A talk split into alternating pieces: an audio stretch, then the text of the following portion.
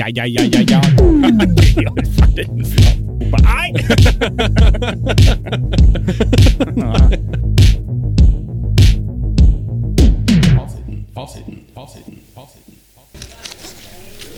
Øyvind, Øyvind, Øyvind, min gode venn, da var det dags for fasiten igjen. Og forskjellen nå, nå sitter vi ikke alene i et studio. Nå sitter vi her oppe på en scene og blir glodd på av Og fortløpende vurdert. ja. Det her kan jo bli ganske grusomt. Og det er jo mitt spørsmål, Øyvind. Har du mye sceneerfaring? Eh, nei. Eh, siste sceneerfaringa mi var vel i slutten, slutten av 90-tallet. Men da var jeg spiller jeg til gjengjeld hovedrollen i Den bar barmhjertige samaritan. Du var samaritan. Jeg var samaritan. Eh, til stående applaus. Da var en stund enten toller nummer fem eller Den barmhjertige samaritan. Men jeg fikk til slutt hovedrollen. Ja. Det eneste som var litt dumt med akkurat den, det var jo at eh, Jesus var litt svak på den dagen. da. Det var en dårlig Jesus. Det var en dårlig Jesus, Ja, er det- så det trakk litt ned. Er Men, det ofte Jesus er dårlig, tror du? nei, jeg vet ikke. men, men, eh, men jeg bar, jeg føler jeg bar det der bar med min tolkning av den barmhjertige samaritan. Skal du bære denne sendinga òg? Det håper jeg slipper. Det håper jeg du gjør. Um, så jeg forventer jo ikke at vi vil få samme vurderinger i dag som vi fikk den gangen. Men så håper jeg jo slipp den eh, Jeg var på kino og så eh, Batman versus Supermann. Og så var det tilfeldigvis en kjenning av meg som var litt lenger ned i kinosalen. Og akkurat i der rulleteksten kommer der, så snur han seg rundt til meg. Øyvind! Fy faen, for en drittfilm! Så jeg håper at vi slipper akkurat den vurderinga i dag. Så hvis dere syns det, så hold det for dere sjøl, så ikke vi bryter i hop som to åsblø. Se for meg det kommer bakerst i lokalet. Ja da, det, det, det ser de begynner å venke allerede. Enten bestiller de drosje eller, eller mer øl, jeg vet ikke. Én av to. En av to. Enn du, Nikolas, har du tidligere sceneerfaring? Ja, jeg har jo litt. Det siste jeg, kom til på skuespillerspillet det var en sånn vis mann. sånt. Og det, var det, jo, det høres jo ut som at det var skikkelig dårlig stelt i min familie. Nå sitter jo søstera mi her og kan kanskje bekrefte avkrefte, men den, eh, det kostymet jeg fikk, det var et pledd som var, som var, som var klipsa i hopen. Så jeg var en sånn vis mann med kappe.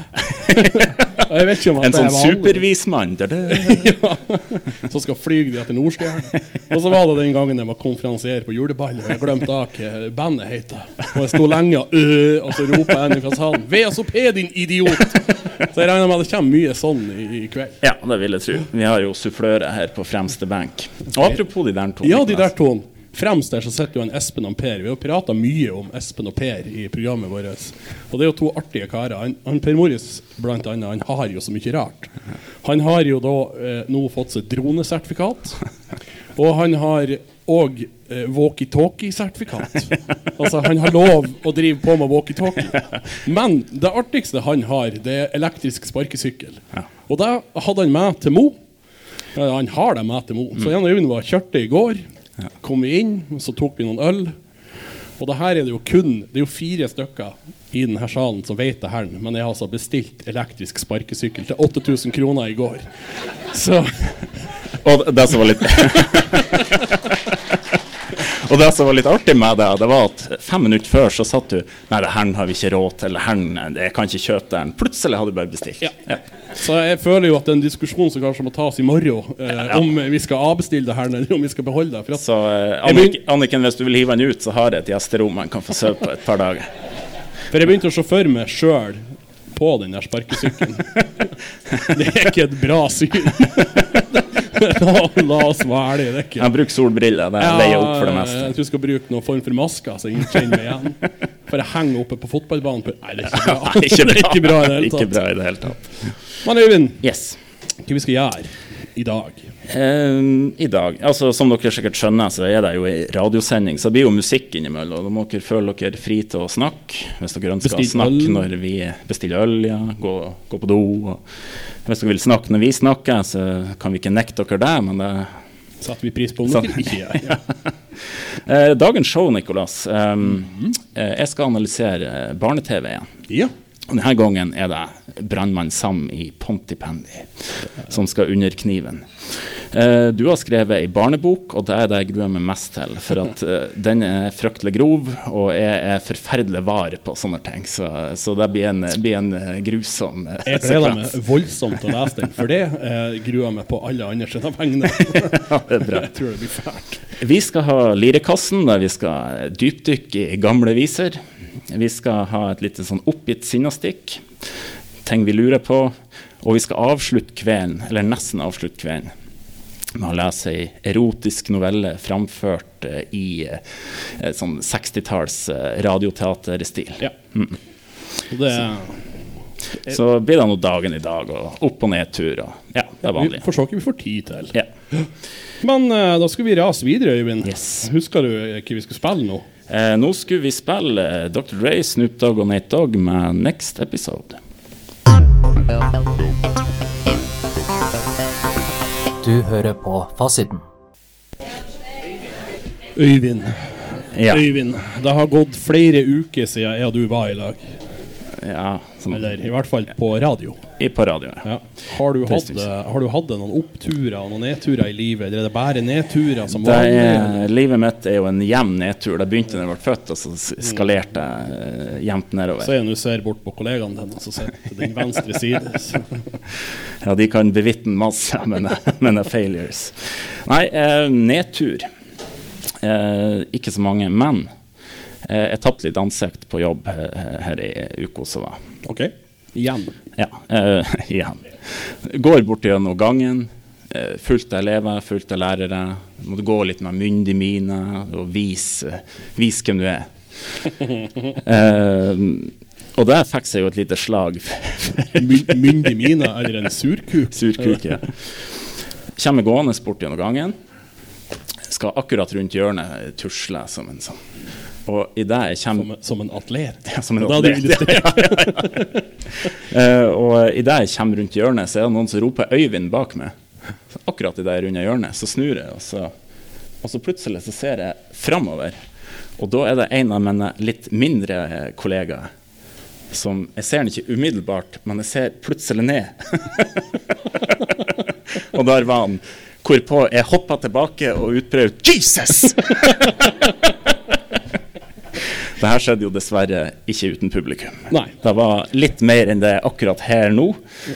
Så da var det bare å, å fortsette sånn småjogge inn på, på pauserommet og så sette seg og late som ingenting har skjedd. Den klassiske lat som ingenting. Ja, den er jeg ganske god på. Um, andre nedturer. Det her kan jo være en potensiell nedtur. Det kan jo hende vi blir kjeppjaget, bua på. Vi får se. Jeg forventa noe fra Espen og Per. Men det, nok om det. Ja. Eh, ellers så kan jeg jo fortelle at jeg har drømt mye rart eh, denne uka, siden vi nå skal ha show framfor eh, levende eh, mennesker. Jeg har våkna to ganger der jeg har drømt at jeg har sittet på en scene og ikke visst hva jeg skulle si for noe. Og det var ganske sånn, våkna litt sånn svett og, og har litt sånn pusteproblemer og sånne ting. Men den nervøsiteten gikk over natt til i går, for da våkna jeg opp at jeg og min far skulle fare hente noen gensere på en gård. Og inni den gården så var han Trygve Slagsvold Vedum. Og jeg og min far drar og leverer de her genserne, og så blir, vi, eh, blir det skikkelig uvær ute. Og en Trygve Slagsvold Vedum han er jo veldig ivrig og energisk. Ja. Ja, Da var han ikke der. Var veldig sånn eh, nedstemt. Eh, hans frue derimot var veldig ivrig på å få med og faderen ut derifra. så, så, så, det var nesten et sånn halvmareritt. Hun sto sånn er dere her ennå? Og drømmer du det her for det er det her du tror folk tenker når du er på besøk en plass? Ja. Det, jeg sitter jo bare og hører noen som sier, begynner å strekke litt på kroppen, så er jo jeg på tur ut. Eller, altså, nei, takk for meg. Ja, takk for meg. Nei, men det var, det var nedturene, sånn kort oppsummert. Enn du? Ja, ja, jeg, nedturen er jo at jeg oppdager at det er jo en komplett idiot. For at jeg for et par uker siden så plagde det seg sånn med den kjøttkverna som vi har kjøpt. Ja. Og så fornøyd med den kjøttkverna. Ja. Eh, og så skulle vi bruke den, og fikk det faen ikke til. Og så skulle vi prøve på nytt helga etter. Fikk det ikke til. Nei. Før vi oppdaga at jeg har ikke hatt på alle delene. så, så det bruker som regel være en sånn fordel. Um, men jeg har jo en, en kjempeopptur da vi Ja. var på butikken. i dag? Nei, det her var før denne uka. Var vi på Coop-en på Gruben, på Ekstra. Ja. Så vi kom oss til kassen, skulle betale på det sjølutsjekken, og så skulle jeg bare sprinte etter en ost. For jeg har glemt en ost. Så det er en sånn halvveis opplevelse som du hadde. Men jeg Ja. tror kanskje at jeg ville gjort meg som en mafiaboss. Ja. At jeg ser skummel ut. Ja, det det. For at jeg kom eh, gående mot osten, og så kommer det en mann, eller et finere kledd mann. Og så er det jo den klassiske Var det en eldre herre? Nei, det var sånn plass mellom 40 og 55. Så en eldre herre, altså. Voksen. Første buinga. Og jeg er så fikk til. Ja, og det er bra. Ja, det er bra. Ja. Nei, så er det den klassiske. Jeg går til høyre, han går da til sin venn. Altså den der. Så blir den der. Ja, men Og så isteden ja. går dere sammen til venstre. Men Ja. istedenfor at det ble jovialt til slutt, og vi bare ble enige om at vi går forbi hverandre, så sprang han inn i en annen reol. og halvveis gjemt seg. Så, så jeg var så fornøyd. Han, er sikkert, han har sikkert ansvaret for millioner av kroner. Han var livredd den tosken som kom etter osten. Ja, hvis du kom sprengende, så skjønner jeg godt. Jeg tror jeg òg har stupa inn i reola. Tror du jeg kom sprengende? Nei, jeg tror ikke Det kan vel kanskje klassifiseres som hurtig gang. ja. Powerwalk. Ja, Powerwalk. Jeg mangler bare stav. Powermo. Kan ikke du ha med staver neste gang du er på butikken? Kjenner du meg som svingende hofte? Her kommer du gående. Det, det syns jeg jeg skal ha. Da kan du lansere en powerwalk med Nicolas Jensen. En sånn YouTube-serie. Ja. Episode én. Rolig nå, Øyvind. Rolig nå. Nei, sånn at det var egentlig Det var ikke så mange opp- og nedturer denne eh, perioden, for Nei. å kalle det det. Så ja. Nei. Så um, husker du ikke vi skulle spille for noe nå? Uh, nei. Vi skulle spille uh, London Beat med I've Been Thinking About You. Der var det. Du hører på Fasiten med Breivik og Jensen. Øyvind, Ja. du uh, har jo en spesiell hjerne. ja.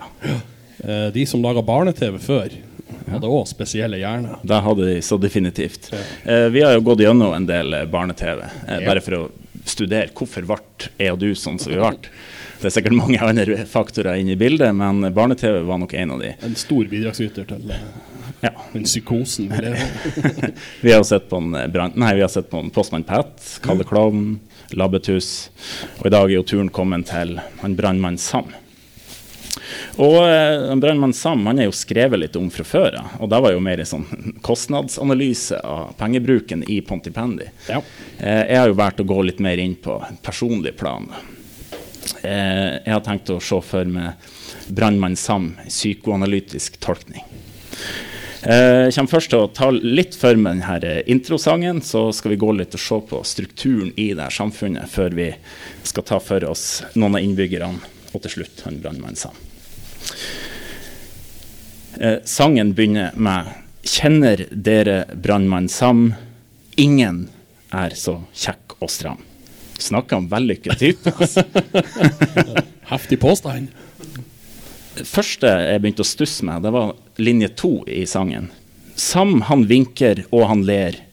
Ler til alle som han ser.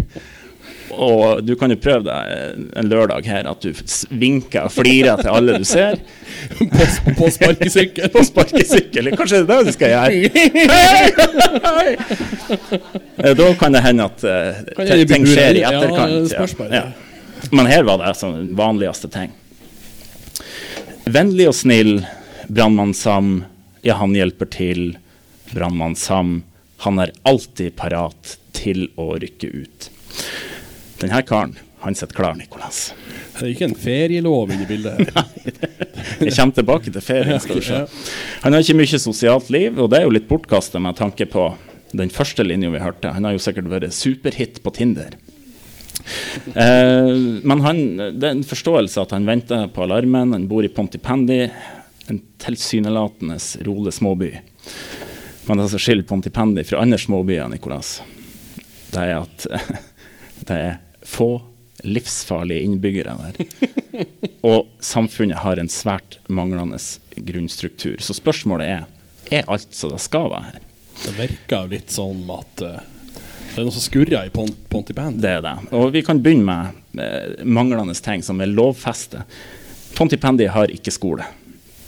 Jeg har aldri sett den, i hvert fall. Nei. Så konsekvenstenking, ja, det, det, da får de heller lærepenger og dolly eller noe sånt. Det er ikke noe, det er ikke noe utover det. Og det sure Ja. Ja. Vi har ikke sett noe til politiet. Nei, Brannmann Sam ordna jo opp. Ja, men har han, har han den fullmakta til å pågripe folk? Tror han har makta til alt. Jeg ble rystet hvis brannvesenet kom og pågrep oss. Men, men eh, det her må jo være en ideell plass for sånn eh, mafiavirksomhet. Her kan du dumpe lik, her kan du distribuere narkotika. Altså, det er ingen som blander seg inn her. Det, det er ikke noe øvre myndighet. Han lille Georg på kokain. Ser du det for deg? Ja, det ser jeg for meg. Dette er jo sikkert et resultat av de endeløse sentraliseringsreformene av politiet. Medisinsk personell det eksisterer heller ikke. De legger skjebnen i Vår Herres hender. Eh, I nødstilfelle så kan kanskje brannvesenet med varierende kompetanse stille opp. Pontipendi har ei bussrute. Ja. And Trevor. And Trevor. Vet du hvor den bussruta går hen? Nei. Den går bort til et jorde, og så snur han, og så kjører han tilbake. Høres ut som ei drømmerute å kjøre. Ja. Eh, så ingen passasjerer. Han har ingen funksjon. Nei. Så her sysselsetter de åpenbart bare for å sysselsette. Men da kunne de kanskje ha tatt nødetatene først. Byen har én butikk, de har én kafé. Men de satser, som vi vet, veldig hardt på brannvesenet. Eh, en skikkelig hjørnesteinsbedrift i dette lokalsamfunnet. 33% av befolkninga jobber i brannvesenet. Og skulle det vært sånn i Rana, så har 8600 av oss jobber på brannstasjonen. Jeg vet ikke om det har noe, var noe god idé. Nei, det var trygt, i hvert fall. Eh, vi skulle kanskje skjønne at kommunestyret i Pontipendi, i den grad det finnes, bør jo gjøre noen budsjettprioriteringer, tror jeg. For det her eh, jeg tror ikke holder mål. Tror du det er et fungerende kommunestyre? i- Med tanke på at det er ni stykker i Pontypandy, så tror jeg ikke det. Eh, byens befolkning, ni innbyggere. Vi nevnte jo en Trevor. Han er jo bussjåfør. Eh, og ja, han er en vedvarende kilde til all slags ulykker.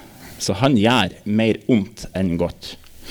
Han krasjer, han tryner, han setter seg fast på taket, han ramler i søppeldynga, blir utsatt for giftige gasser, kjører i elva. Og gjerne ikke det, så starter han en brann. Han har til dags dato ikke kjørt én busstur bort til jordet og tilbake uten at det har skjedd ei ulykke. Og da syns jeg det er en sterk prestasjon. Ja. Jeg syns du husker at det var noe vi, vi så på hvor de var gikk tur. altså Dolly hun bar på en sånn fluktstol, mens de ungene de måtte pines. Fikk ikke mat og fikk ikke vann, og så kom ikke han Trevor, for Nei. han mista et dekk. Ja. Uh, han Trevor han er livsfarlig, mest for seg sjøl, men òg for andre. Så han eh, ja, Vi skjønner ikke hvorfor de trenger så mye brannberedskap.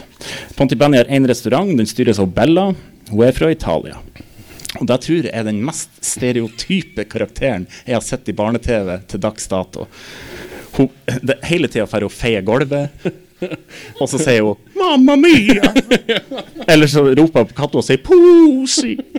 Så det er de to tingene jeg går på.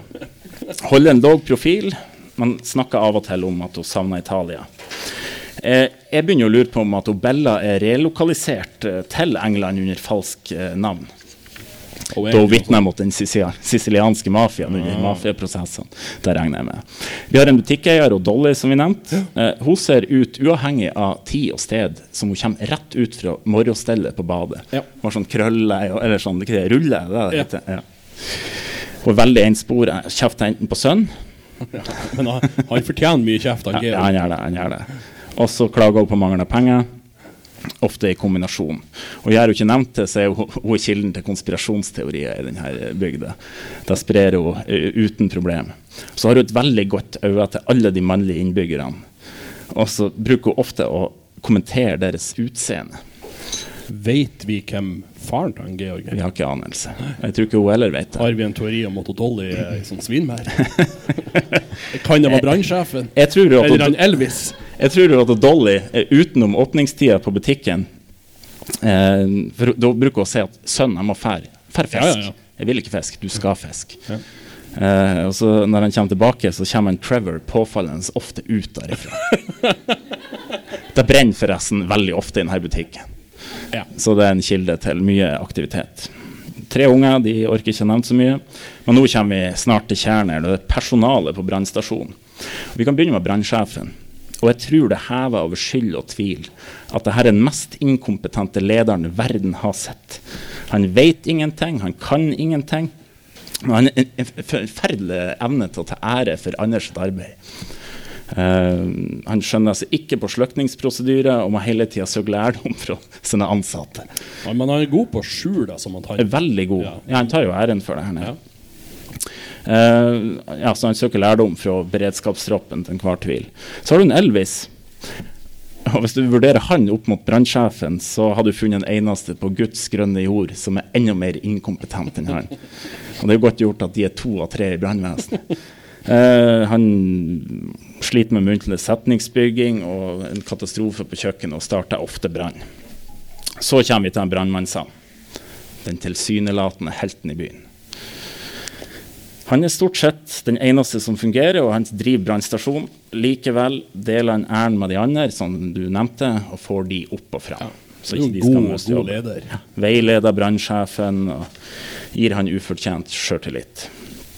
Eh, før, da jeg var liten, tenkte jeg var en fantastisk type. Men når jeg så det nå i voksen alder, så slo det meg at han er en litt stusslig fyr. Hele hans identitet og sjølforståelse det beror seg på denne brannmannsstillingen. Eh, og det slo meg forleden dag da jeg så han skulle ta ferie. han har aldri hatt ferie. Nei. Og etter to timer så var han på tur å gli over i depresjon og tiltaksløshet. Eh, han befinner seg nå i en identitetskrise. Og det som skjer med han da, det er at han skaper like mye trøbbel som resten av befolkninga. Og det ender med at han må reddes av brannvesenet. Og da må vi trekke inn en Freud. Eh, Freud, det høres veldig amerikansk ut. Freud. En Freud. For han prata om det her med at det skjer ikke ulykker.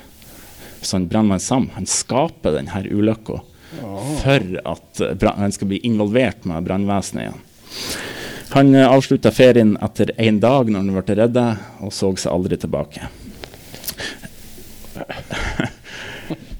Nå kommer vi til den store oppdagelsen. Eh, og det slo meg når jeg så at identiteten hans sakte eroderte når han ikke fikk lov å jobbe som brannmann. Han brannmann Sam, han er ingen brannmann. Psykiatrisk pasient. Pontipendi er ingen by, Nei. og en Trevor er ingen bussjåfør. Nei, men det har vi konkludert med Det lenge visste jeg når jeg var liten. Det var han ikke. Uh, han er det her er et psykiatrisk eksperiment. Eh, det var en sånn behandlingsmetode som så sitt lys på 50-tallet. Eh, Der folk som lever store vrangforestillinger, de får lov å leve ut denne identiteten i en sånn kunstig tilværelse. Så det er jo akkurat derfor at eh, eh, ja, så alle eh, han, han skal tilbake til sin egentlige jobb, revisor Jean. Ikke fullt så kjekk og stram. Nei. Alle i Pontipendi er sykepleiere og leger i psykiatrien. Det er derfor det ikke er skole, det er derfor det ikke er politistasjon, og derfor klarer alle de her ulykkene som skjer. For det er ingen, uansett hvor klønete og uheldig det er, som klarer å sette så mye branner i gang. Nei. Det er umulig. Så det her blir påsatt, og det er for at han skal få lov å leve ut det her, og kanskje, kanskje en dag Bli fri. bli fri fra det her. Og Da har jeg jo en teori om at det her ble fôra til ungene da vi, altså da vi var unge. For Jeg husker da jeg, var, jeg ble passa til en sånn dagmamma, og der var det en sønn i huset.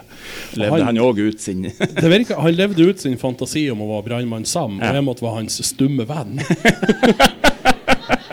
så jeg fikk ikke lov å si ting. Så det kan jo hende at det er noe Det er noe med den brannmann Sam-karakteren som Ja. får fram rasshølet i det. Ja, jeg tror det. For uh, den eneste forklaringa jeg har på alle brannene og ulykkene, forårsaka ni personer. Hvis det hadde vært sånn i Rana, så er jo halve Rana stia i brann. Begynner å lure på på Båsmann har brunnet sin helvete siste dagene. det vet vi nå ikke. Så, så hele her er et spill. Nei, men Nei, det, så brannmann Sam han er en psykiatrisk pasient. Ja. Det er det vi konkluderer med. det er fasiten i dag. Det er Brannmann Sam. Psykiatrisk. Ve veldig bra. Du Øyvind, Ja. når vi kommer tilbake nå etter å ha spilt to låter Mm. Nå kan folk handle seg øl og gå på do og gå ut og røyke og gjøre hva de vil. Så skal vi ha noe som heter Lirekassen. Det skal vi. Og du har en teori om den lirekassen. Ja, altså Lirekassen det var jo eh, for gammelt folk. Og du ser jo ikke ut som en sånn tradisjonell programleder i Lirekassen. Tradisjonell gamling. Ja, så vi må, vi må prøve å gjøre noe med det i denne lille musikkpausen. Ja, men da eh, starter vi med å spille Notorious BIG og Hypnotize. Du hører på Fasiten med Breivik og Jensen. Ja, Øyvind. Yes. Da var vi kommet til Lirekassen igjen. Da var Lirekassen, og nå ser det jo mer ut som en sånn gammelt svin som skal lede oss gjennom det. Du, det er jo litt artig at du sier gammelt svin, for du har tatt utgangspunkt i din morfar. Og sånn som jeg kan huske, så var ikke han et gammelt svin. Nei, han var ikke det. Han var en fantastisk mann. Så, um, så nå er det godkjent. Men det, nå var du litt lik han morfar.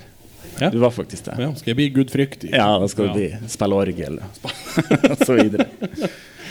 Ja, Ja, Øyvind. vi skal jo ta et djupdykk i, eh, i gamle sanger, da. Vi har jo konkludert med at det er, det er et par ting som må til for å være godkjent lirekasse. Ja. Eller godkjent sang for å få spilles. Skulle du vært det skitt på 50-60-tallet, så var det to ting har vi analysert oss fram til som måtte på plass i sangen. Ja. Eh, det ene det er jo åpninger. Eh, vet ikke om du har et eksempel på det? Jeg har et eksempel på åpning.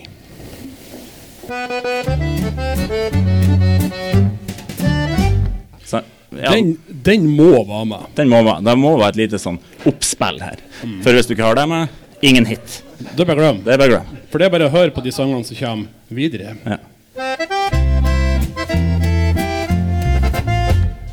Den er der òg.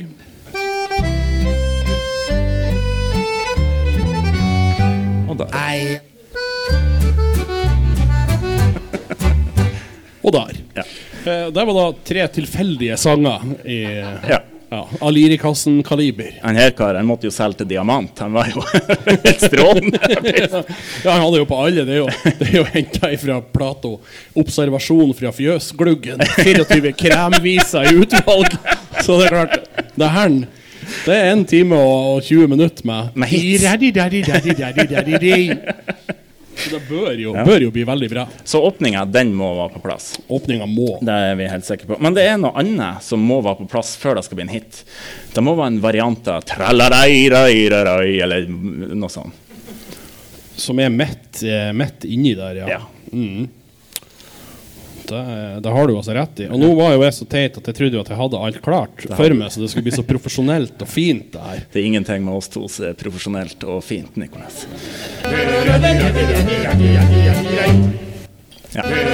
Den må være inni, inni der for at det skal bli bra. Og klarer du de her to tingene her, da har du en hit. Da har du en kjempehit. Og det er vi enige om. Men etter hvert, Nikolas, så, så forsvant jo det her litt. Det er jo ikke lenger den der trekkspillåpninga, og det er veldig lite radidadidei i moderne musikk. Ja. Det er trist. Det er trist. Ja. Uh, så vi har Tror jo, vi. Ja. så vi har jo tenkt litt på uh, det her gamle, glemte kunstuttrykket uh, med denne åpninga og radidei. Kan det forhøyne kvaliteten på litt mer moderne musikk?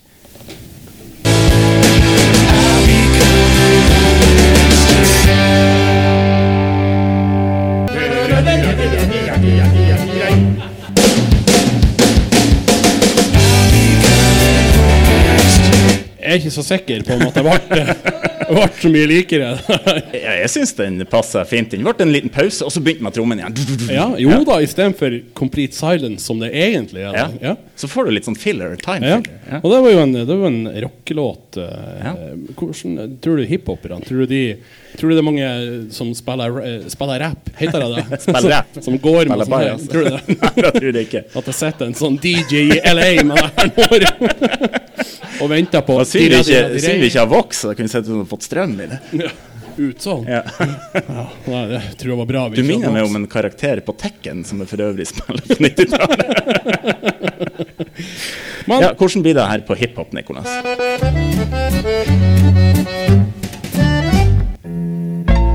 Yeah, nigga, I'm still fucking with you. Still waters run deep. Still Snoop Dogg and D.R.E.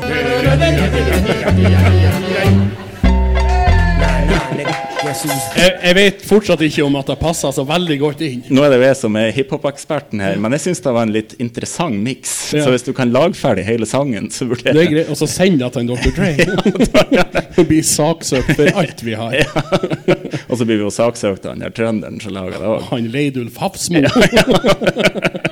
Han blir ikke god med å gjøre, i den grad han er i live ennå. Jeg, jeg Tror du det det. står på gravsteinen hans 'Di raddi daddi dei'? Det regner jeg med at det gjør. Her er det filer ridaddi daddi dei. Vi måtte jo òg ha Vi måtte jo også, altså, pop, Poppen er jo Ja, vi må ikke glemme poppen. Vi må ikke glemme poppen. Og vi er jo inne på 90-tallet eh, med de her sangene. Og det var jo et band jeg var veldig glad i på 90-tallet, som heter Backstreet Boys. Og jeg vet ikke om jeg har vært like glad i dem hvis de har gjort det her.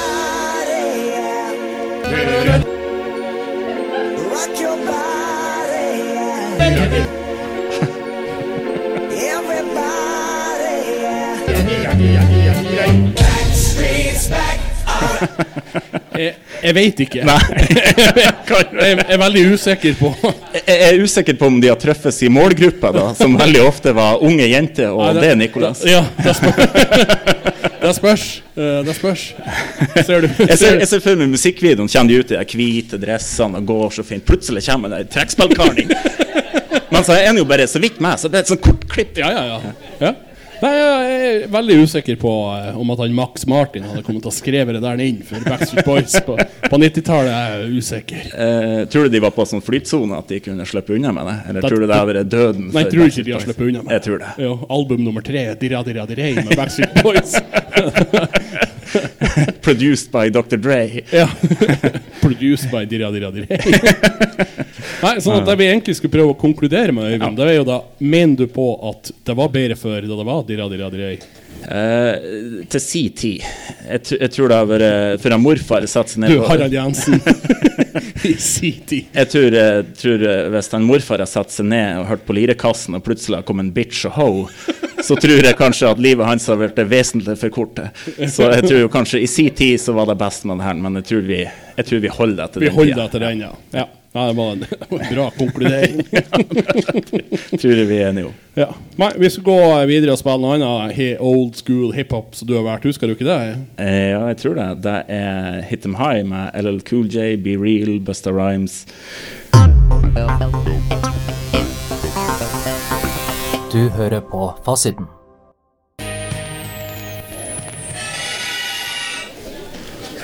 Øyvind, Ja. du har gått på universitet. Jeg har gått på universitet. Hva du gjorde på universitet? Jeg studerte blant mange andre ting. Ja. Ja. Var mye drikking, var det ikke det? Eh, Det var det. Eh, og nå skal jeg jo ta opp to ting som skjedde meg med på universitetet, som har satt sine spor. Den ene tingen den blir jeg redd av å tenke på ennå. Den andre tingen den gjør meg jævlig forbanna. Så eh, jeg tenkte jeg skulle prøve å male dere et bilde her. Ja. Første, det, første tingen, det var Altså, når jeg tenker på det her som skjedde med meg Jeg har gjort mye rart i klasserommet, men akkurat det der, det kommer jeg aldri på nivå med. Eh, fredag morgen, eh, obligatorisk forelesning i drama som metode i undervisningen. Oh, good God. ja, det har jeg også tenkt.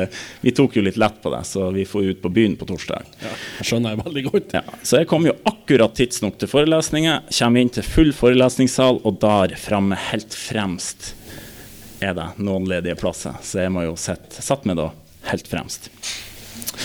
Eh, litt sliten, litt ja, kanskje ikke helt ædru.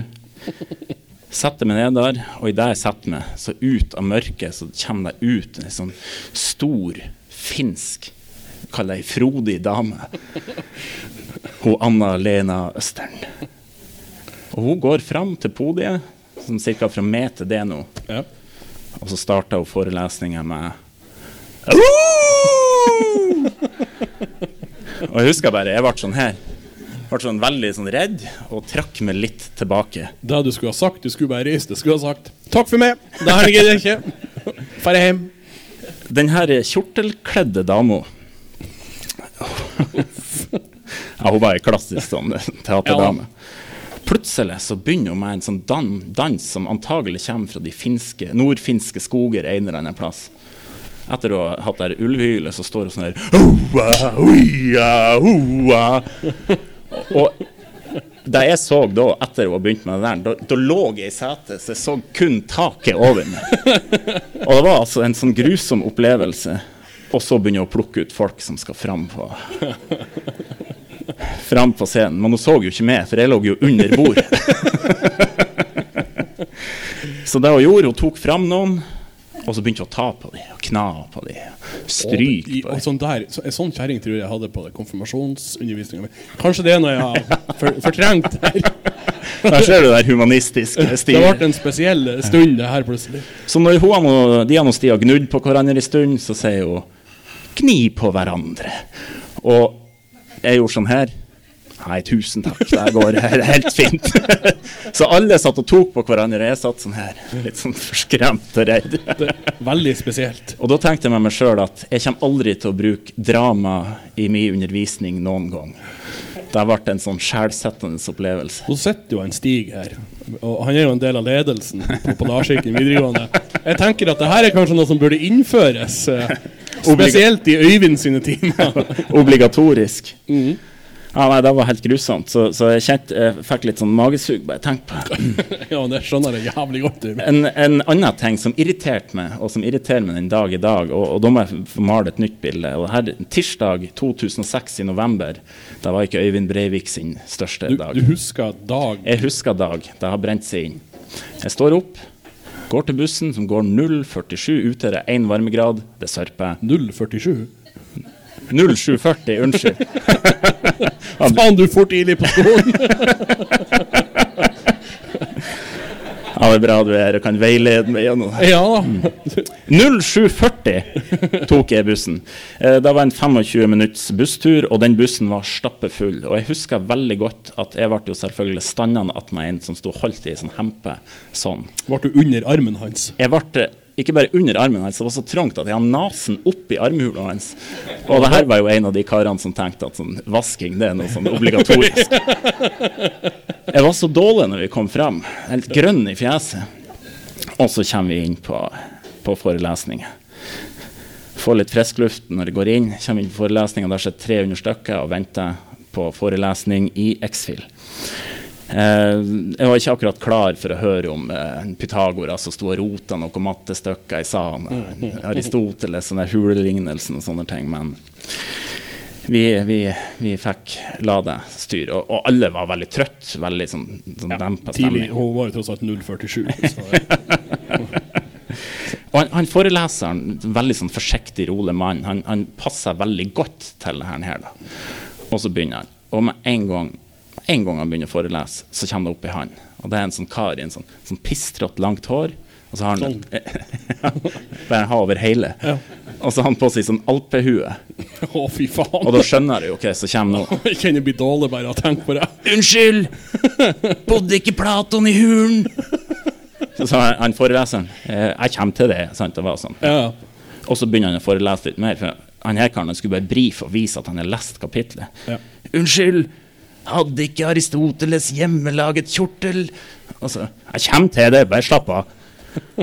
Oh god. Og, så, og, og det som er litt spennende nå, for, for folk sitter jo sånn her Oh god, hva er det som foregår her nå? Og så, og så rekker han opp hånda igjen. Var det ikke Cicero som sa Og, og da mister jeg den der veldig forsiktige foreleseren. Jeg kommer til det! Jeg kommer til det! Slapp av, jeg kommer til det! Og han satt sånn her hele tida, og det begynte med litt sånn oppgitthet. Og etter hvert så høres det ut som det var ei sånn slangegrop. Det var sånn Det var alle Nei, alle rundt det, ja. ja. og det, på slutten så var det sånn Men faen, enda en gang hører du litt sånn rundt omkring, sånn helt oppgitt.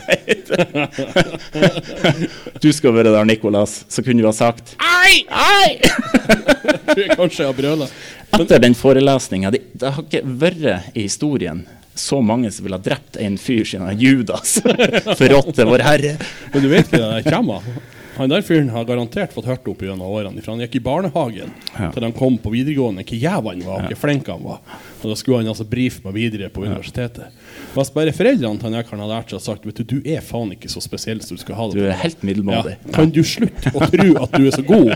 Det burde egentlig alle til Alle foreldrene si til ungene sine. Vet Og du ungene bør jo si det til foreldrene òg. Men det gjør de jo, Ja. har jeg inntrykk av. Du er helt middels. Ja. Du mamma, du er middels. Nei, men her, Karen, altså, hvis man får høre mer at man er Ja. middels, så skaper man ikke sånne situasjoner. det er jo det jeg håper denne kvelden går. Helt middels. Ja. Jeg, håper folk, jeg håper folk har det middels der ute. Har det greit. Ja. Ja. Uh, jeg så han karen i kafeen seinere. Da satt han med en sånn follower, så hørte hører du bare når jeg gikk forbi. Hadde han, hadde han eget posse? Ja, sånn posse i det her, det her X-Fill posse som satt rundt der, og, og så gikk jeg forbi, og så stoppa jeg litt opp, for da hørte jeg han sa Det var ikke Mark som sa Og da hadde jeg lyst til å klaske åt den der apekatten i bak. Han har jo garantert bare lest og pugga Ja. sånne ting. Ja, ja, selvfølgelig. Jeg, jeg kunne jo ha spurt han ja, hva, hva, hva mer? Da har han ikke sagt noe. Nei. Nei, Så, så, men en eh, mer provoserende fyr har jeg til dags dato ikke møtt. Og jeg kjente han begynte å prate om det nå. Ble det faktisk òg ganske Da skal, vi, da skal vi lugne ned med en sang, så skal jeg og du fære få oss ei øl, og så skal vi komme tilbake og så skal vi gjøre noe som er helt grusomt. Oh. Du hører på Fasiten med Breivik og Jensen. Ok, nå er vi kommet til det kleineste i eh, hele kvelden, tror jeg. Og vi skal lese en erotisk novelle senere. Ja, det blir ikke i nærheten. Nei. Jeg har ikke hørt den ennå. Men jeg gruer meg veldig, for jeg blir så pinlig berørt. Altså. Dere, eh, noen av dere som kjenner meg, vet jo at eh, jeg er dansk. Og i Danmark så er de, de rapegærne. Så takk, Per. Takk. Eh, har dere hørt om han Dillermann? Han Dillermann det er da en barne-TV-figur fra Danmark som har verdens største penis, og hvis han har fått lov, så har han klart å redde verden med den. Sier de i hvert fall i introsangen om han Dillermann. Da kunne min mor fortelle meg at det er ei eh, regle på dansk som heter eh, 'Små barn lærte det først, numser i været'. Det betyr da at når ungene går og legger seg, så skal de stikke rumpa i været, og så kommer det en nattasuss på rumpa. Nei, hva i all verden er Eh, det for noe? dansker er Det er ikke bra folk. Det tror jeg var dagens fasit. Det tror jeg òg var dagens Uff. fasit. Og hvis det her var opptakten, så er det bare gruset til det som kommer. Ja. Um, sånn at med han Dillermann og de andre danskene i bakhodet, så har jeg skrevet noe jeg tror kommer til å bli en stor hit, en barnebokserie. Jeg regner med at uh, søstera mi tar den med seg i barnehagen og leser den for alle ungene som er der på mandag. Og så blir det ja, dokker og diverse. Ja, sånn Actionfigurer. Ja. Så, og, og, så, og så syns han Øyvind at det her er helt grusomt. Ja, helt. Så Øyvind, um, snu det mot publikum. da starta jeg. Og det her, på forhånd, unnskyld. Runke-Rolf på eventyr. Det var en solfylt dag i Fittedalen, og Runke-Rolf hadde nettopp stått opp og gjort sitt morgentoalett. Etter frokost skal jeg stikke og se hva analarve holder på med, tenkte Runke-Rolf, der han smurte en brødskive med Nugatti. Ah, Nugatti, sa Runke-Rolf høyt til seg selv. Nå skulle mamma ha sett han. Da hadde det blitt smekk på lanken. Kan jo ikke spise Nugatti hver dag. Runke-Rolf kledde på seg og løp så fort han kunne over Sædelva og bort til huset der Analarve bodde. Hei, Anal, hva holder du på med? Jeg tenkte jeg skulle stikke bort til fotballbanen og spille litt fotball. Vil du være med? Runke-Rolf var ikke tung å be når det kom til fotball. Tenk om han noen gang ble like god som Steve McCauley, som spilte på Crew på 90-tallet. På vei bortover til fotballbanen gikk de innom Fiste-Fatima og Bukake Bård for å høre om de ville spille ball. Fiste og Bukake ville veldig gjerne spille ball, så nå gikk fire blide kamerater bort til fotballbanen for å trene på triks og spille oppmakeri. Da de kom til fotballbanen, oppdaget de til sin store forferdelse at de ikke hadde med seg ball. Hvor er ballen vår? lurte Bukake Bård på. Vi hadde den jo i går. Gjengen tenkte seg godt om på hvor de kunne ha lagt ballen. Hva om vi stikker bort til gården til Espen Ereksjon og ser der? Foreslo Fitte-Fatima. Fiste-Fatima. Hele gjengen var enig i Espen, slutt. Hele gjengen var enig, og de ruslet av gårde. Da de kom til gården, lette de rundt hele gårdstunet, men kunne ikke se noen fotball. Hva om vi ser i butikken til Rimmeråger, foreslo Analarve. Jo, det synes de alle var en god idé, så de ruslet dit. Da de ankom butikken, lette de rundt, hele, lette de rundt hele butikken. Runke-Rolf tok til og med en ekstra sjekk i kålhodene for å se om den kunne ha sneket seg dit, men ingen hell der heller. Vi får ta en siste sjekk hos postmann Penis-Per. Den må være der, sa Fiste Fatima. Da de kom frem til postkontoret, sto Penis-Per ute og trikset med en ball. Hei, det er ballen vår, sa Runke-Rolf. Å, kan jeg få spille med dere, sa den 43 år gamle Penis-Per. Det var så gøy å spille fotball. Så klart, de ropte gjengen i kor. Så løp de alle sammen til fotballbanen og spilte fotball helt til det ble kveld, og de gikk hjem for å spise is.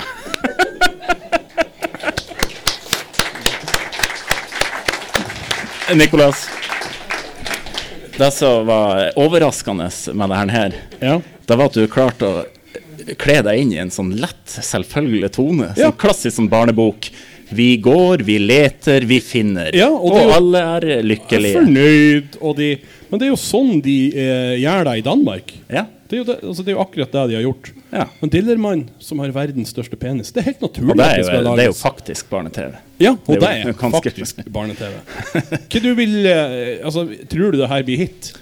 Um, Altså, jeg får det her gitt ut. for Tror Per og Espen så det ut som det var en ganske stor hit, men Skal du kanskje ikke basere alt på de? jeg tror det kan komme en hel sånn artikkelserie av leserinnlegg mot uh, det og din, eh, din penn. Det spørs bare. Det spørs akkurat bare på det. Ja. Men, um, Men overraskende bra, sånn utenom det, karakter uh...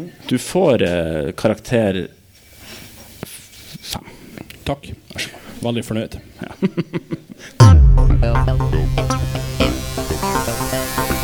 Du hører på Fasiten. Det var smaken av 90-tallet, Øyvind. Det var det Smaken Og av fint 90-tallet. var det. Mm. Du, eh, nå har jo vi fått oss ei øl. Det har vi. Så vi drister oss på en sånn skål? Så jeg har hørt at Ja. andre som er sånn som vi er nå, gjør det. Skål! Skål! Skål.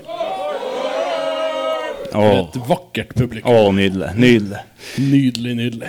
Ja, Nikolas, vi har jo et fast innslag eh, knepses Takk, voldsomt. takk. Takk. Takk. Vi har et fast innslag i vår eh, radiosending, og det er jo dagen i dag. Ja, og i dag er det jo 8. mai. Det er det. I dag har jo min fru bursdag. Hun sitter for øvrig der borte, så Gratulerer! blir sikkert å få kjeft for det der nå òg. Det vil jeg tro. Det begynner å bli en skikkelig raider. Det bli mye. Mhm. Men Øyvind, Ja. det er 8. mai. Det er 8. mai. Og da har altså i navnedagene i Norge er Åge og Åke. Ja. Kan du prøve å gjette hva som er i Sverige? I Sverige Åke, vil jeg tro. Kan du prøve å gjette hva som er i Danmark? Eh, Det tror jeg er det, er det Fedmul? Nei. Kona Sam! Kona Sam. Det er altså en Stanislaus. Stanislaus, ja. Hvem altså Han Stanislaus Stanislaus til middag! Kommer fra en grasj! Ja, vi byr på en liten gransj Yeah. 8. mai er jo den internasjonale Røde Kors-dagen. Ja. Jeg har et inntrykk av at med en gang det kommer snø på bakken, så finner du Røde Kors. For da er de overalt. God dag, det er fra Røde Kors. De ringer på. Ding dong, det er fra Røde Kors. Har de brukket benet? Må de spjelkes? Var det de som falt så stygt i bakken der? Nei. Nei. Jeg har en litt artig historie om Røde Kors. Eh, Når jeg var liten, så gikk vi Blåvegen. Ja. Og eh, faderen og jeg vi fikk noen ski som var preparert til NM, som ikke ble brukt, så vi kjøpte de. Så det gikk unna. De gikk unna, og det var sånn skikkelig steinhardt føre. Så det bestandig er på Så det bestandige. Da eh, vi fikk eh, bruk for Røde Kors to ganger. Så Første gangen så kommer vi opp til en bakke, så ser faderen eh, Han har klart seg veldig fint, eh, ikke så verst på ski. Så ser faderen da sitter Røde Kors. Og så ser han med meg. Nå, Øyvind, nå gjelder det å ikke dette. Og fær av gårde, og de her skiene de er jo så preparert. så han fær ikke bare av gårde. Han, han, møste, han glemte av svingen. Så han fær altså rett ut. Inn i snøen, og mannen er borte. framfor Røde Kors. Fra, rett, rett framfor Røde Kors. Og når han endelig dukker opp og stikker hodet opp av snøen, så ser han masse hjelpe... Men de var ikke klare til å hjelpe. De satt bare og flira og åt boll. Eh, den andre, der kom jo i den her eh, Hvem heter den lia som er så lang? Hjulpet meg, dere som er kjent her. ja, det er i hvert fall seks-sju kilometer med ja. ja. Ned utsikten. Ja. Ja, sikkert. Så satt, satt det i gang. og tenkte det her går fint. Og så begynte jeg å gå veldig fort. Og så tar jeg igjen ei dame som antagelig ikke har NM-preparerte ski. så begynner jo jeg så Oi, oi! Og så ser jeg jo at hun, eh, reaksjonsevnen går jo litt ned når du blir gammel, ikke sant, Lars? Så eh, jeg finner jo ut at det beste jeg nå kan gjøre, det er å hoppe ut av sporet. Og da hadde det skjedd noe i hodet hennes, så da hoppa hun òg ut av sporet. Og hadde jeg Hadde dette vært filmet, så kunne dere ha trodd på det som skjer nå. For jeg klarer altså på en millimeter å svinge rundt henne og inn i sporet igjen. Men dessverre så var samhandlinga her ikke riktig like god. Så hun tryna, og der ble det fortalt for tanta mi som sykepleier kom bak, hun fant ei som lå blødende fra hodet. så så det var nå det var nå vår skitur her i Rana. Så øh, du må aldri gå med sånn preparerte skiv? Eh, ikke, ikke til den der graden, nei. nei.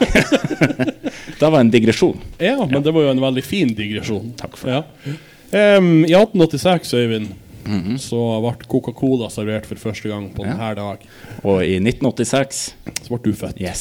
Så skjer ikke på denne dag. Nei, nei, nei, det er sant. Idiot. ble du født 047? Oi, oi. Eh, år 1900 så kom tuberkuloseloven. Og jeg sa jo med det oppe at jeg skulle lese meg opp på tuberkuloseloven. Har jeg gjort det? Nei.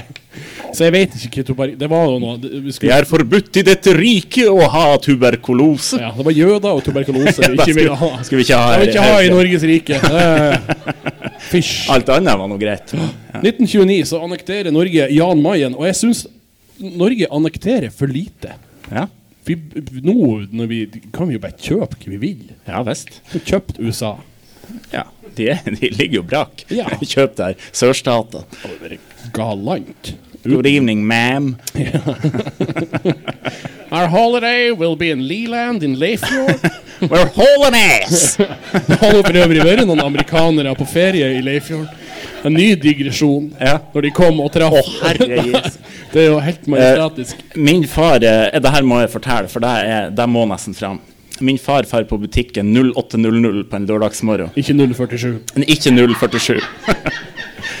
Han drar på butikken 08.00 og skal være tidlig og få inn eh, helgehandelen. Eh, så går han inn på butikken, og så møter han en amerikaner. Og han er jo, kan jo litt engelsk, men han er jo ikke så glad i å utøve språket. Så han ble nå standende bare og vifte med nevene og sånne ting. For de lurer på veien til Sandnessjøen, det det? Ja, så, så det var jo faderen og, og så noe sånn gamle støv, og de kunne i hvert fall ikke engelsk. Så de amerikanerne står jo her og tenker hva det er for slags plass det er her. Og så kommer de ut. Og ute så står altså en litt original person fra Leirfjorden. Han står Kan vi ute se at det var psykiatri inni bildet der? det var det. Og han ser på takrenna at den er lek, og det renner ned. Og så har han en boks yoghurt. Og når de kommer ut, så stiller han seg under denne takrenna og begynner å dusje, og så har han yoghurt i håret som, som sjampo. Og, og faderen kommer ut og ser det der, og han sa den der bilen der, den gikk mye fortere enn den egentlig skulle. Den fikk plutselig uante ekstra hestekrefter, for de kom seg altså ifra det her hillbilly-området så fort som overhodet mulig. Og da skjemtes min far, og det er jo der jeg har det her skamgreier. Å, men det, er klart, når det er deg som skal representere bygda, den som står og vasker, Ingen kan engelsk, yoghurt og vi vasker håret i yoghurt. i, i, i Jeg håper han gjorde en sånn liten sånn sleng for å vise hvor smooth og silky håret ble etterpå.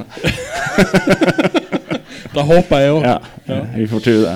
Skal vi se, siste fra historien. Det skjedde i går, for at du sa at jeg måtte finne litt mer, for det var litt sånn lite som har skjedd på. Det er jo frigjøringsdag og bla, bla, bla. Men det det er vi. kjedelig. Ja. Kjedelig med fri. Ja, vi er glad for at vi er fri. Ja. Um, 7. mai 2000 så ble altså han eh, Vladimir Putin innvia som president av Russland, og han sitter ennå. Ja. Det er. Ja.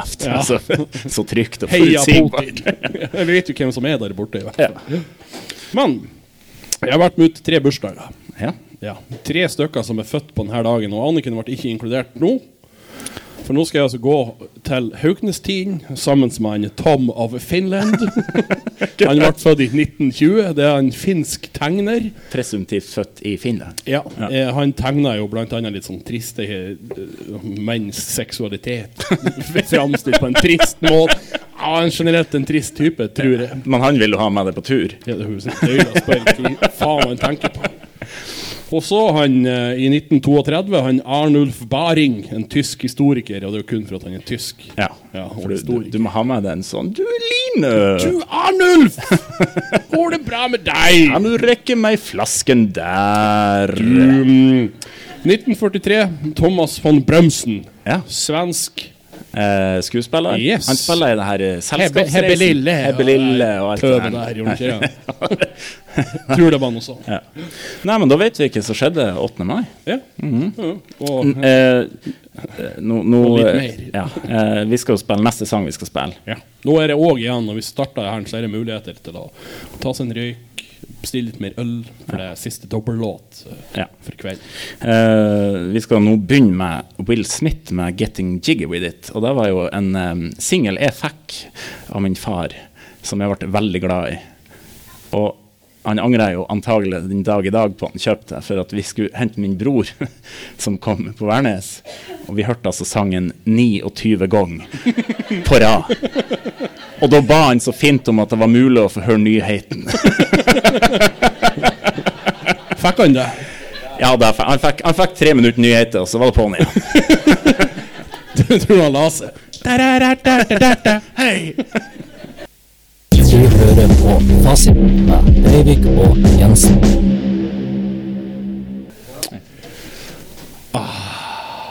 Nathaniel Rateliff and The Night Sweats, Øyvind. Eh, Yes. Klar oppfordring til han Kenneth at det blir neste bråk. Da, Da, han er nikka anerkjennende. da kommer jeg i hvert fall. Det er veldig bra. Ja, for du kommer ikke på noe annet. Så han Nei. nei, nei. nei.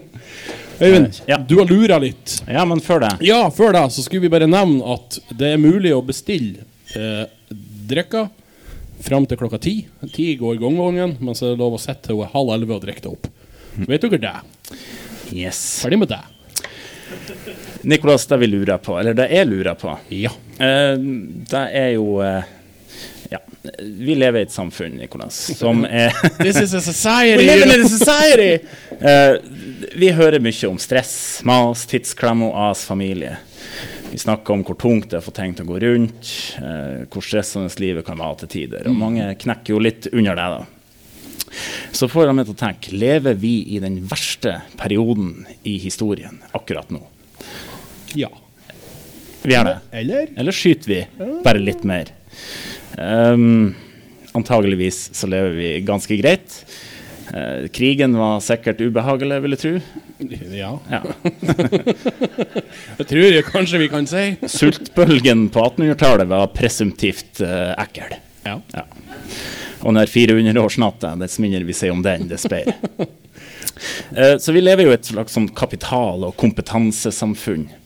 Eh, Og eh, jeg og du, vi tar oss jo av og til i å lengte tilbake til en tid uten sosiale medier, reality-kjendiser, TV 2 Nyhetskanalen, konspirasjonsteoretikere og reklame. Men kanskje vi må sette litt i perspektiv, Nicolas. Kanskje vi Jeg har må en følelse av at det er det du skal gjøre nå. det er det jeg skal gjøre nå. For uh, vi skal ta en test. Etter vi har gått igjennom hvordan samfunnet, hvordan vi skulle ha levd i vikingtida, Ja. så får du vurdere. Vil du heller ha levd da, eller er det greit å leve sånn som du gjør nå? Ja. Du bor i en jordkjeller, Nikolas. Nei. Jeg bor i et hus på Ytteren. Men i vikingtida Ah, tenkt situasjon. ja, tenkt, tenkt situasjon. Ok. Eh, skjønt der huset på Ytteren kan jo kvalifiseres som forskjell. Ja, det er jo tross alt du som har vært med og pussa opp. Ja da. Du bor i en jordkjeller med 14 andre. Hurra. Det er ikke adskilte værelse, så folk som kjører runder med seg sjøl og andre, gjør det i full offentlighet. Fristende? Jippi! ah, det er de som har seg i kveld, ja. Ja, ja. Ja, ja. Det var på runde, det her. ja. Um, det her er før fagforeninga si tid. Så du må stå opp drittidlig og jobbe til sent på kvelden. Jeg ser for meg der klokka fire, akkurat blitt litt sånn lysning, så Ikke- kommer det en sånn kar Ikke, inn. ikke 047. Ikke 047. Så kommer det en kar inn og sier Nå lyt med snekra båt, Nikolas. Nei! Tror jeg vi sier da. Det her er jo før kroppskrenkelse var et tema. Så hvis du står laglig til, så får du høgda i beste fall høvet. I verste fall en arm eller en fot eller noe sånt. der. hun skulle teste sverdet, så husj, der for det. Testing, altså. ja, i- ifølge sagaen. Altså, jeg har, eh, han Håkon sitter jo her, han er historielærer. Så jeg er litt forsiktig nå, for min kjennskap til vikingtida det er jo noen saga som kanskje var litt overdrevent. Også en sånn gammel sånn film vi så på videregående, der det var hele tida skodde, og lyden var veldig sånn Den trilla ut på en sånn, sånn TV på et stativ som sto helt i hjørnet i klasserommet. Og så gikk læreren og satte seg på kafferommet. Vet du, det var, det var de kjedeligste to timene i mitt liv. Det var akkurat da vi så den. Uansett. Eh, Du får høgda kroppsdeler. Endelig skal du få komme hjem og slappe av i denne jordkjelleren i lag med 14, 14 frilynte mennesker. Ja, 14 andre ligger hasj. Ja. Så kommer jo selvfølgelig en Snorre, en Sverre eller en Kyrre og så, så, skal ha det til å utfordre et sånn holmgang. For holmgang, det var jo sånn Nei, jeg har lyst på gården din, jeg har lyst på kjerringa di. Så da, da utfordrer du en kamp på liv og død. Kan du si nei? Nei. Nei, for da er du feig, og det er det verste du kan være. Så kanskje jeg skal overføre det her til moderne tid, og så utfordrer han Per til sånn holmgang for det sparkesykkel. Slipper å kjøpe sjøl. Um, taper du, overtar seierherren gård og grunn. Og det samtykket hos fruen, det spiller ingen rolle. Det er bare sånn, vi overtar her. Ja. Er du frista fortsatt? Ligg unna Anniken. uh, så må du opp i Svinoten. Du blir pressa ut i en åpen båt som du har bygd sjøl, så good luck. og da skal du altså ro i rom sjø over Nordsjøen i tusenvis av timer. Når du endelig ser land, presumptivt britisk, så må du opp på dekk. Og da må du pakke i det flues opp, og så er det bare å utføre overgrep og mordbrann blant munker og nonner som er helt forsvarsløse. For et liv. For et liv, for et herlig liv. Eh, og når du er hjemme igjen, så blir du lyst fredløs, for du forgreip det på din nestes okse, as og esel. Og din neste han reagerer jo ikke med sinne, han blir bare uglad, for det var det eneste de har uh, å reagere med. Og da har du resten av livet på flukt, og hvem som helst kan kappe høvet av det og få penger for det. Ja. Spørsmålet mitt, Nikolas, ja. har vi det her så jævlig som vi skal ha det? Altså, Frister vikingesamfunnet mer? det er jo noen fordeler med tanke på at hvis det har vært sånn reality-kjendiser i vikingtida, så har jeg kunnet utfordre de til Holmgang og fått de av dage. Tror du du hadde hatt den her sveisen, da? Ja, tror ikke det. da tror jeg det. Sånn vikinger. Og fletter skjegg. Da, ja, Ja, så så reality-kjendiser de kunne du ha kappa ned uten, uten problem. Hele P4 kunne jeg tatt. Mhm. Nei, ja. Nei, jeg tror kanskje jeg landa på at vi har det jo ikke så aller verst. Nei, En senere anledning så skal vi sammenligne med andre tidsepoker, men vi kan slå fast Nei, vikingtida tror jeg styrer unna. ja, Ja. det blir litt for mye Ja, det blir veldig mye. Ei. Yes. Ja, nei, men det er veldig bra, Øyvind. Da skal vi uh, spille en låt som du er veldig glad i. Jaha. Det tror jeg. Ja. Ja, det begynner å nærme seg the end. Ja. Men før det, Øyvind, skal vi gjøre noe Vi, vi litt skal spesielt. Ja. Kanskje. Eh, jeg satt på jobb i en lunsj her for en stund siden, og så var det noen som foreslo Kan ikke dere lese erotisk novelle på radioprogrammet? Eh, det syns jeg jo var en litt eh, spennende idé. Ja. Frisk idé. Ja. Eh, det vi måtte gjøre da, det var jo å eh, lese det, ikke lese det i en sånn romantisk tone, men eh, få det bearbeida til et eh, hørespill. À la NRK 1960. Ja. Eh, og hvem eh, strekte vi oss til da? Og Kristin Stri Slørdal, som sitter borti hjørnet her. Ja. Hun må få en applaus. Hun har altså skrevet eh, For vi, vi fant ei novelle som var mildt sagt spesiell på kondomeriet.no. Sendt det til Kristin dagen etter, ferdig skuespill. Eh, og eh, det av to grunner. Vi vil høre hvordan det her høres ut som i eh, eh, i et sånt skuespill, og så er det jo òg at vi begynner å få barneunderskudd der, så jeg håper det her er en inspirasjon til å være fruktbare og bli mange. Drar dere hjem etterpå og kopulere som kaniner. Jeg er veldig spent på, på det. Jeg vil helst ikke ha tilbakemelding på det. Nei. Eh, jeg og Nikolas vi har lest gjennom der én gang, og vi har alle stemmene, så dere får unnskylde om det blir litt rot. Én gang. En gang. Men vi prøver. Sommerferien hos farmor. Innledning til en rotisk novelle i én akt av ukjent forfatter på kondomeriet.no. Bearbeidet til hørespill av Kristin Stray Slørdal. Hørespillet er sponset av Partyman Mo i Rana. Muligens med i stykket farmor Brochmann, farmor og livsnyter. Richard Brochmann Schweinstein, barnebarn til farmor Brochmann og sønn av professor Stein Schweinstein. Miss Julie Brochmann Wist. Richard Brochmanns tremening fra storbyen og butleren. Handlingen finner sted på farmor Brochmanns herskapshus på øya Downhill i begynnelsen av sommerferien. Richard Brochmann og hans farmor sitter ved eh, havebordet og kikker utover den fuktige sensommerkvelden. Det er så deilig her farmor. Hjemme hos dem her på den store gården er det alltid åpne fløydører av eksklusiv opprinnelse. Men dere er da så flinke å hjelpe meg når jeg har fri, unge Rikard. Tenk at dere kommer hit selv om dere ble 22 og går i deres fars fotspor som rytmikkstudent i vakre Slesvig-Holsten. Men det er da bare spennende for oss unge å være med. Så lærerikt og sunt for både kropp og sjel med alt dette kroppsarbeidet i bar overkropp i stekende sol. Ja, det er så morsomt med dere her. Dere hopper i høyet og sover sammen i stabburet. Jeg elsker når mine åtte søskens barn og barnebarn kommer innom. Det kommer forresten noen i kveld. Kommer Julie med lys, krøllete hårmanke, nydelig lavendelblå øyne og den fantastiske kroppen. Ja, dere har jo Ja, dere har jo samme humoristiske sans, så tonen mellom dere er bestandig god, sjøl om hun er fem år yngre enn deg. Så virker hun meget eldre, både i utseende og oppførsel. Frue, deres grandniese unge Julie er ankommet. Unge Julie på 18 år kommer ned til havebordet. Hun har på seg en tynn, hvit bomullskjole, men har dessverre glemt undertøyet i storbyen. Butleren lar, av, lar seg av profesjonelle årsaker selvfølgelig ikke merke av dette. Hun setter seg ned sammen med Richard og farmor Brochmann. Det ble så mye rolle her plutselig.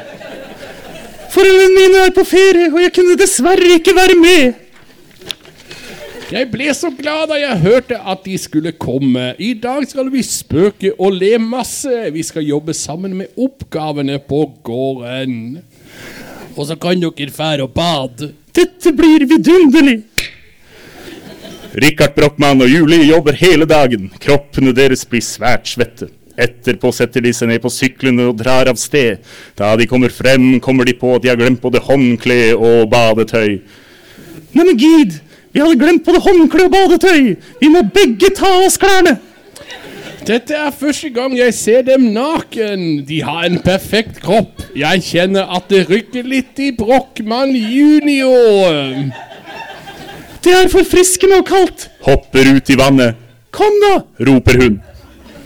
Richard Brochmann hopper etter, og begge svømmer rundt i det erotisk ladede vannet.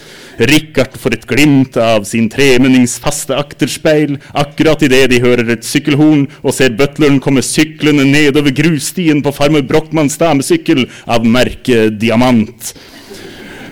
Herskapet må komme, middagen er servert i dagligstuen. Deretter snur han sykkelen og sykler raskt tilbake til huset. De to ungdommene blir stående i vannet en stund for å kjøle ned de brennhete kroppene sine før de tar turen efter ham. Når de kommer frem til huset, sitter farmor Brochmann på trappen. Er dere sulten, eller har dere forsynt dere av buffeen allerede? Famo! De unge, men fremdeles ikke elskende, spiser en nydelig aftensmat sammen med farmoren før de trekker seg tilbake til stabburet, som tidsriktig innredet i gotisk stil med innslag fra det fjerne Østen. Å nei, det er bare e redd opp én seng. Hva skal vi gjøre, Julie? Jeg inviterer deg herved til å bringe natten med meg, kjære fem år eldre tremenning.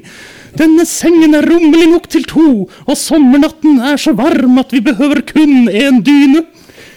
Jeg så hvordan du kikket på mitt mannlige kjønnslem tidligere. Jeg ble meget imponert av det jeg så. Hopp i sengen til meg. Jeg har litt erfaring, men de må gjerne veilede meg. Men hva om butleren kommer innom for å ønske oss god natt? Da kan han også, også han få delta i den hyggestunden som sannsynligvis er i ferd med å ta form. To be continued.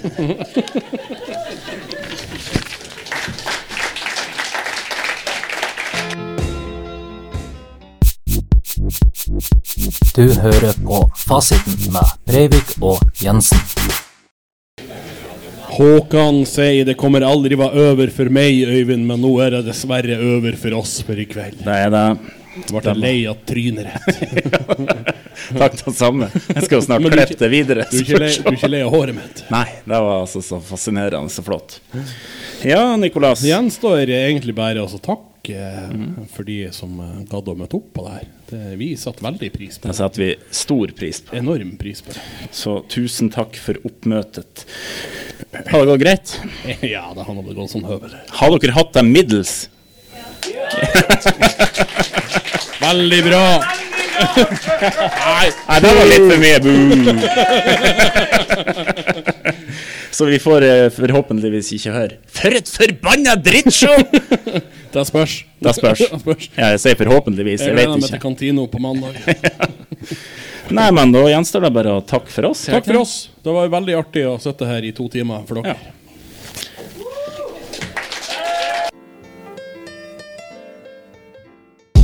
Du har hørt på podkast av Fasiten med Jensen og Breivik.